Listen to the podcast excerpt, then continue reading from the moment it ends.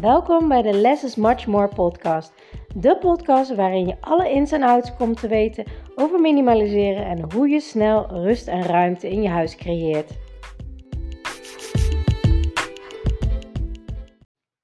Hoi hoi, wat leuk dat je weer luistert naar mijn podcast van vandaag.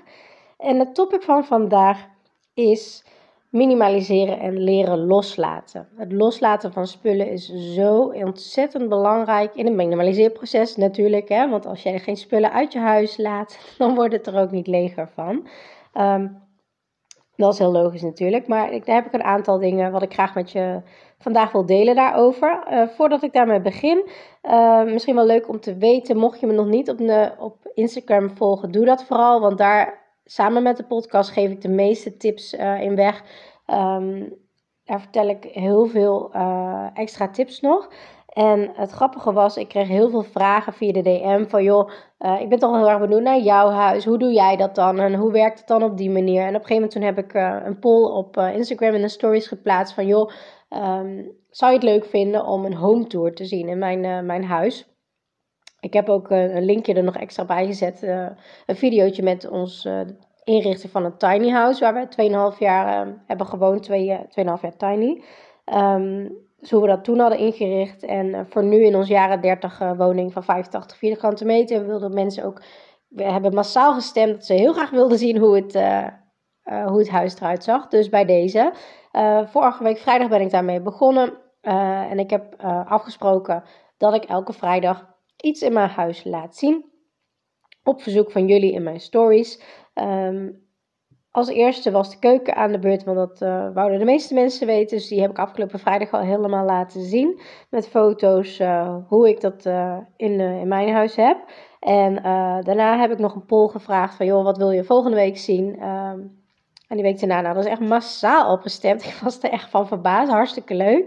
Um, als eerste uit de bus is gekomen mijn kledingkast. Dat was de eerstvolgende die jullie graag wilden zien. Dus volgende week vrijdag ga ik die op de stories zetten. Even kijken welke datum het dan is. Um, ehm, 4 februari. Dus mocht je dit wat later horen, dan weet je dat die alweer weg is. Maar goed, en anders vraag maar even in de DM, dan stuur ik je met liefde een foto. Um, en op, twee, op de tweede plaats, ook met heel veel stemmen, is geëindigd de woonkamer. Dus die doe ik de week erna. Dus dan, uh, dan weet je dat. Hou op vrijdag dan even mijn stories in de gaten als je benieuwd bent naar een uh, kijkje in de keuken, zeg maar. En ik zal ook steeds weer een linkje van mijn uh, tiny house, van ons tiny house plaatsen. Hoe we daar hebben gewoond met ons vieren op 27 vierkante meter. Dus dan, dan weet je dat. Um, leren loslaten. Nou ja, hè, om het haakje te maken met tiny house 27 vierkante meter, daar past niet heel veel in. Wel veel meer dan dat je denkt. Maar inderdaad, je moet heel veel dingen leren loslaten. Binnenkort wil ik een, een podcastaflevering ook opnemen met... Um, mijn man Thomas, want die had ontzettend veel spullen uh, als hobbyspullen, zeg maar. En dingen met emotionele waarde en hoe hij daarmee omgegaan is. En ook überhaupt hoe hij met mij omging toen ik volledig omging naar het minimaliseren. Hoe hij dat heeft ervaren. Want dat is wel even iets wat ik ook heel vaak van heel veel van jullie hoor. Van ja, ik wil het wel, maar mijn man ziet het niet zitten. Of mijn kinderen vinden het niks of wat dan ook. Uh, en het grappige is, ik krijg ook heel veel DM's nu ook van mensen, en vooral van de mensen in mijn online training die echt rigoureus aan de slag gaan onder begeleiding. Dat ze zeiden, ja, hè, uh, het proces vindt mijn man echt helemaal niks, maar hij ziet dit effect en hij is echt helemaal om. Hij vindt het zo tof, hij is er echt heel erg blij mee. Um, dus ik heb hem er eigenlijk ook wel een beetje mee aangestoken. Dus dat is uh, heel leuk om te zien.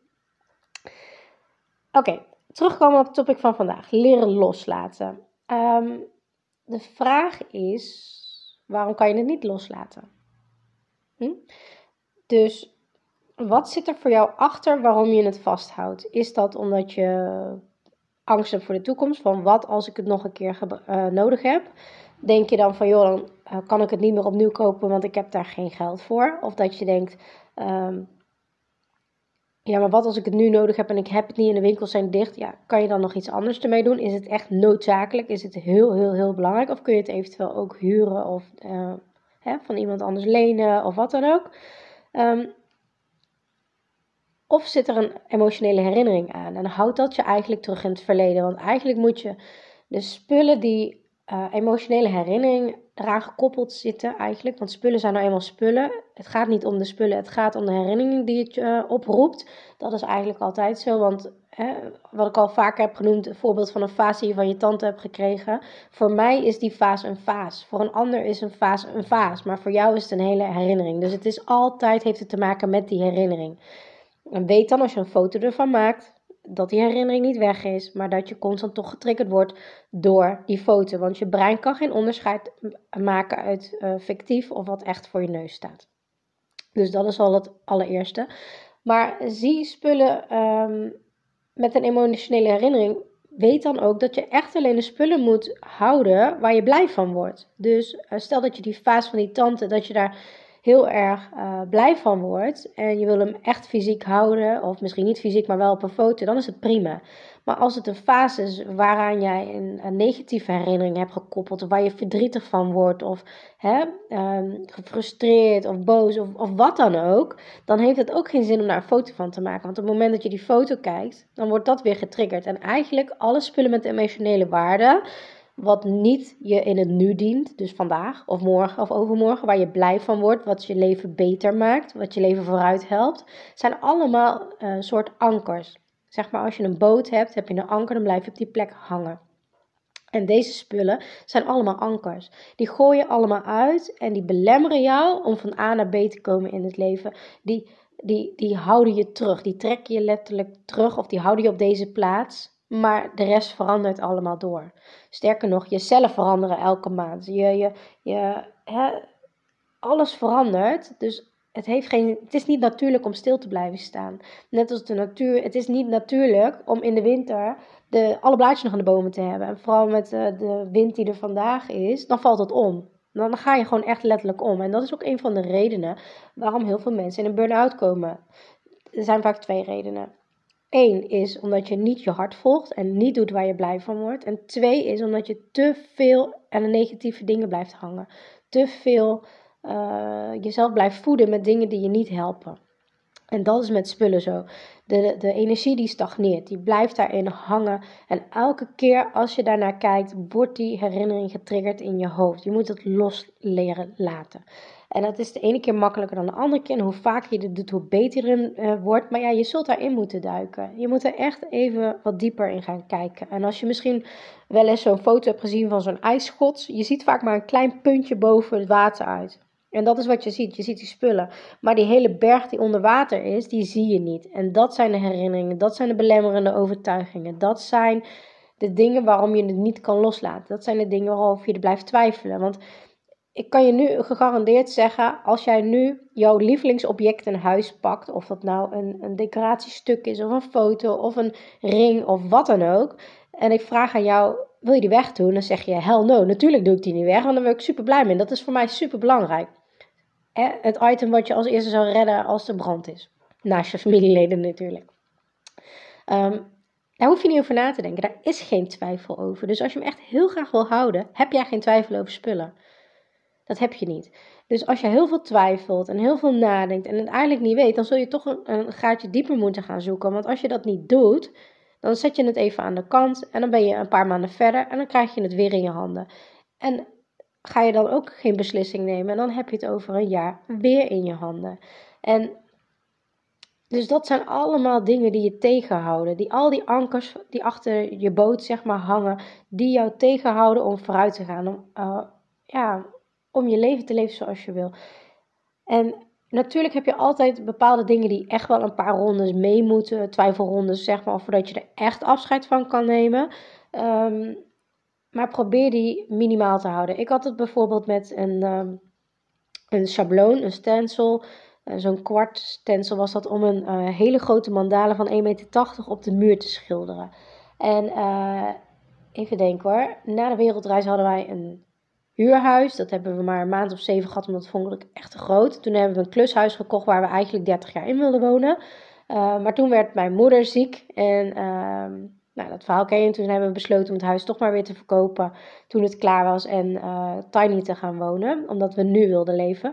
Maar in dat klushuis, dat eerste klushuis, um, had ik dus die mandala gekocht om op mijn muur te schilderen in mijn slaapkamer, voordat wij hadden besloten dat we zouden verhuizen. Uh, en mijn moeder die uh, was altijd heel erg creatief en uh, vond ik altijd heel erg leuk om heel veel samen mee te doen.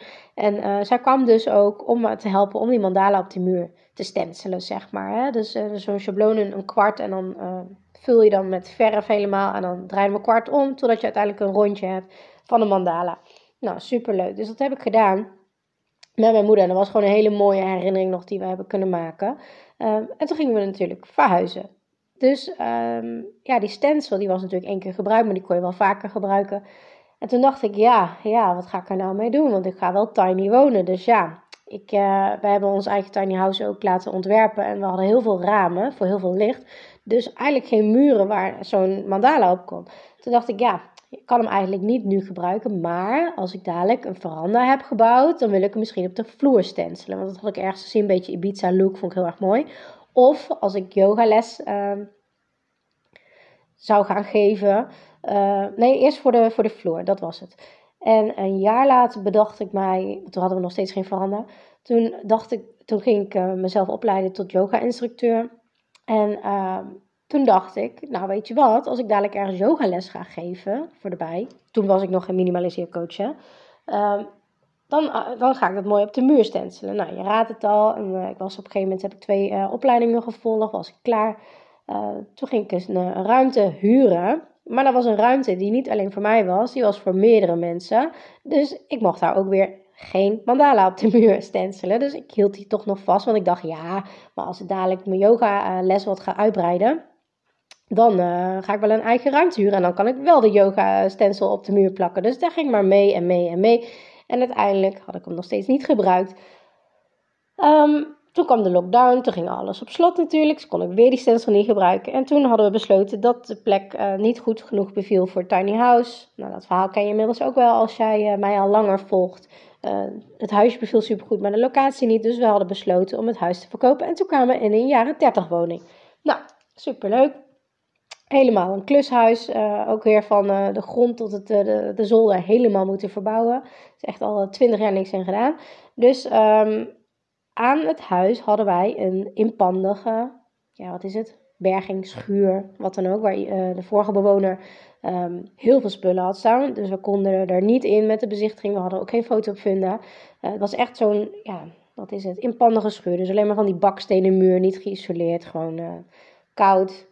Um, dus we gingen dat aanpakken. Nou ja, dat was niet onze prioriteit natuurlijk, dus dat duurde wat langer. Nou, toen hadden we daar een yogakamer gerealiseerd. Uh, was net alles weer open. Ik had uh, donkergroene kleur op de muur geschilderd, of laten schilderen door mijn man en door schilders. En um, daar hadden ik samen met mijn man het stencil van de yoga, van de, eh, de mandala, die ik met mijn moeder natuurlijk als eerste in mijn eerste huis had gedaan, had ik nu weer op de muur ge geschilderd samen met mijn man. En um, nou, dat was helemaal leuk. En toen uh, kwam er weer een lockdown.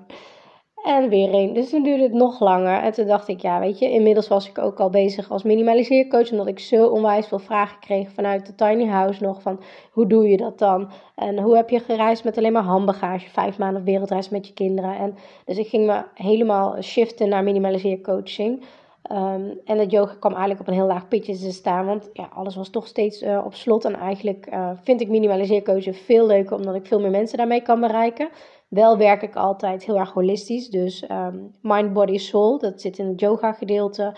En uh, mind en house, en dat zit in het minimaliseergedeelte. Want het is een holistisch geheel, want als jij niet tot rust kan komen door yoga meditatie, omdat je huis nog uh, chaos is, dan werkt het elkaar tegen. Het is echt de bedoeling dat je alle vlakken, alle facetten uh, dekt daarmee, voor, om echt, echt rust in je leven te krijgen, in je huis en in je hoofd.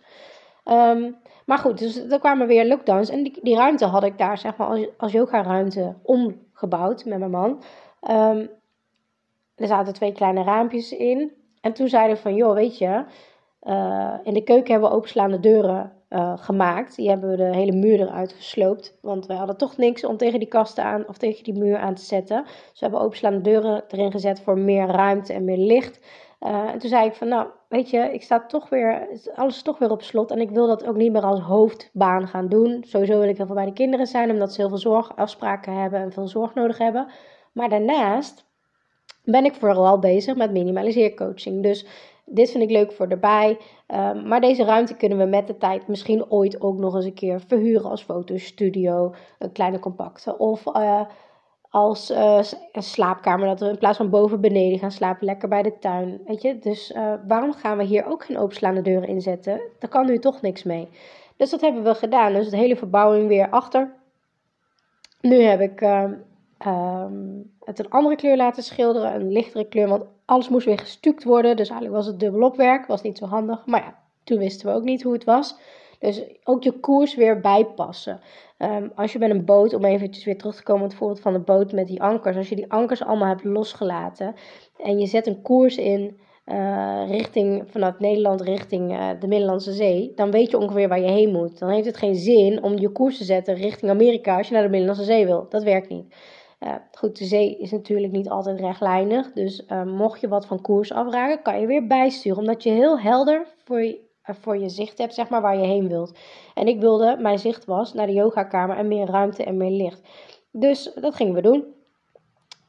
Openslaande deuren, de muren gestuukt, andere kleur erop, een wat lichtere kleur. En toen kwam dus weer die mandala tevoorschijn, want die had ik dus bewaard, omdat ik daar super blij mee was, de eerste keer al.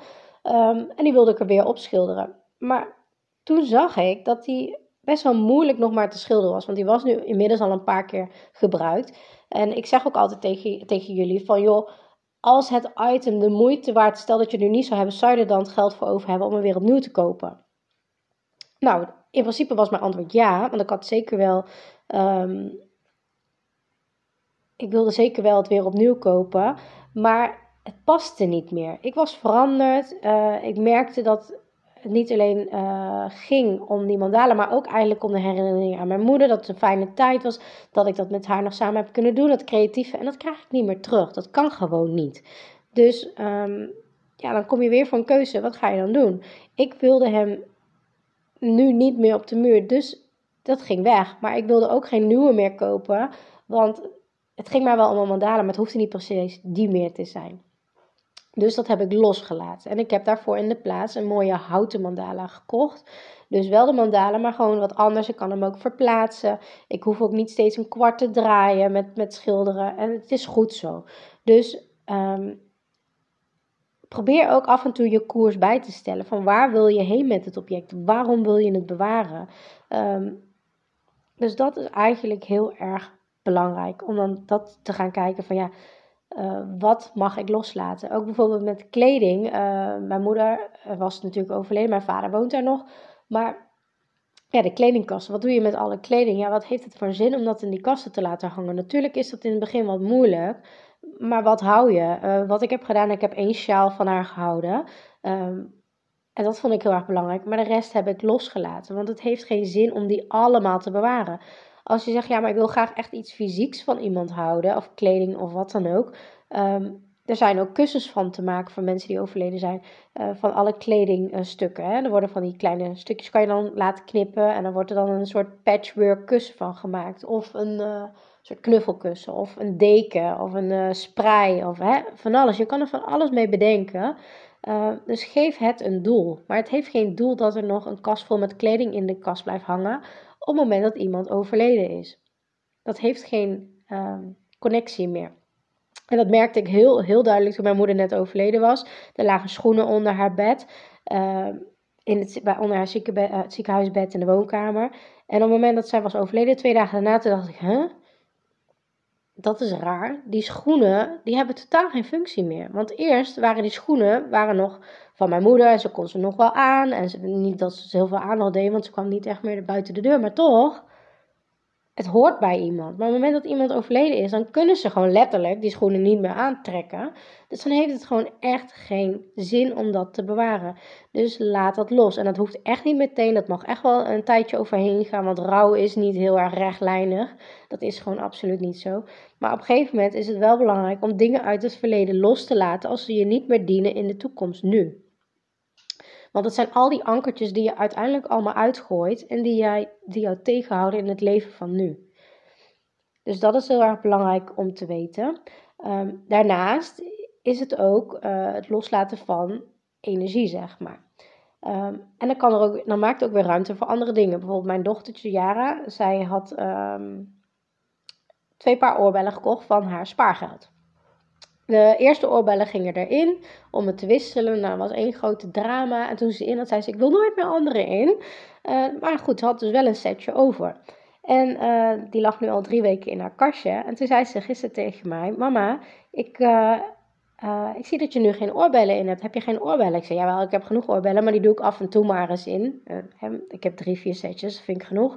Um, en toen zei ze: en heb jij dan knopjes? Nee, ik heb geen knopjes. Dat had ik eerst wel. Vind ik misschien nog wel weer leuk. Zei ze, nou weet je, ik doe ze toch niet in. Wil jij ze van mij hebben? Ik zei, nou weet je, ik weet het beter gemaakt. Ik koop ze wel over van jou. Want ze heeft het ook van haar eigen zakgeld betaald. Um, en smiddags mocht ze van de zakgeld, mochten ze, of spaargeld, mochten ze naar de winkel om iets nieuws te kopen. Dat wilde ze heel erg graag. En aangezien ze al een hele geminimaliseerde kamer hadden sinds de Sinterklaas, kon dat prima. En um, ze wilde iets kopen, uh, zo'n elfje die kan vliegen of wat dan ook.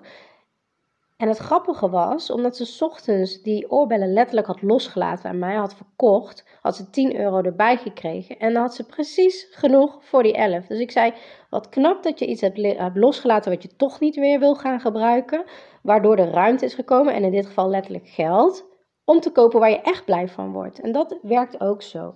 Vaak denken mensen, ja, ik heb geen geld. Ja, maar kijk eens wat voor spullen je allemaal wel niet hebt. Als je die verkoopt, heb je wel weer geld erbij. Dus het, het hoe moet ik het zeggen?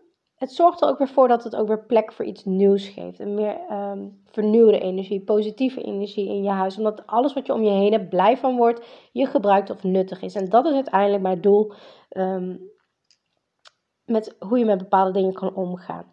Uh, mocht je vragen hebben of als je echt een item hebt waarvan je zegt ik blijf twijfelen, ik weet het gewoon echt niet. Ik heb proberen na te denken, ik heb de keuzekaart uh, erbij gehouden. Ik, ik, er is iets wat mij tegenhoudt, maar ik weet niet wat. Laat het maar even weten in de DM. Voor nu wens ik jullie een hele fijne dag. Doei doei!